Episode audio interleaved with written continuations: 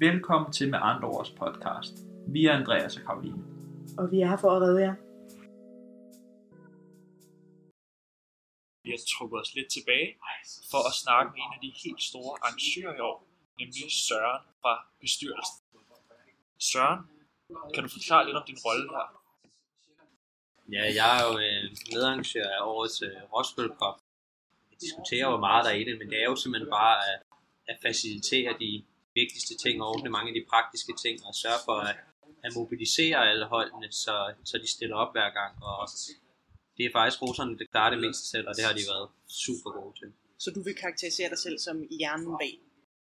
Det er, det er meget store ord at sige. Jeg vil ved at sige, at det er, det er os, der blot er i gang sætter, og så er det simpelthen roserne, der er drivkraften i hele den her turnering. De er facilitatorerne.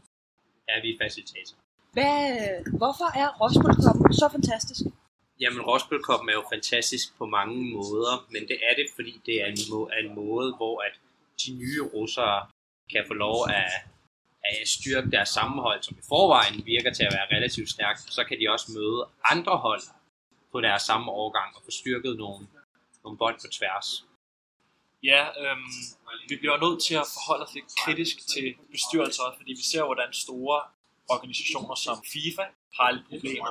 Så vi bliver nødt til at spørge, er Roskilde Cup's bestyrelse ligesom FIFA?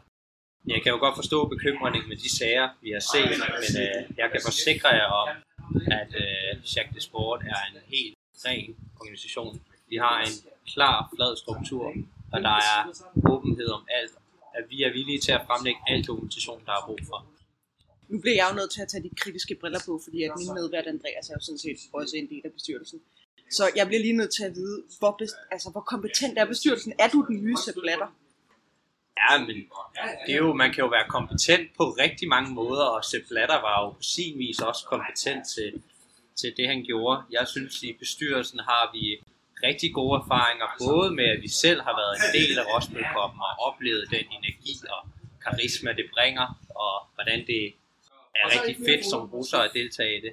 Derudover så er der flere i bestyrelsen, der også har, har praktisk erfaring med, med fodbold og kender til, hvor, hvordan man mobiliserer hold og, og koordinerer sådan noget. Så Jeg, jeg, kan- jeg kan godt høre, at du vil blive en rigtig god politiker, Søren. Du taler rigtig flot udenom.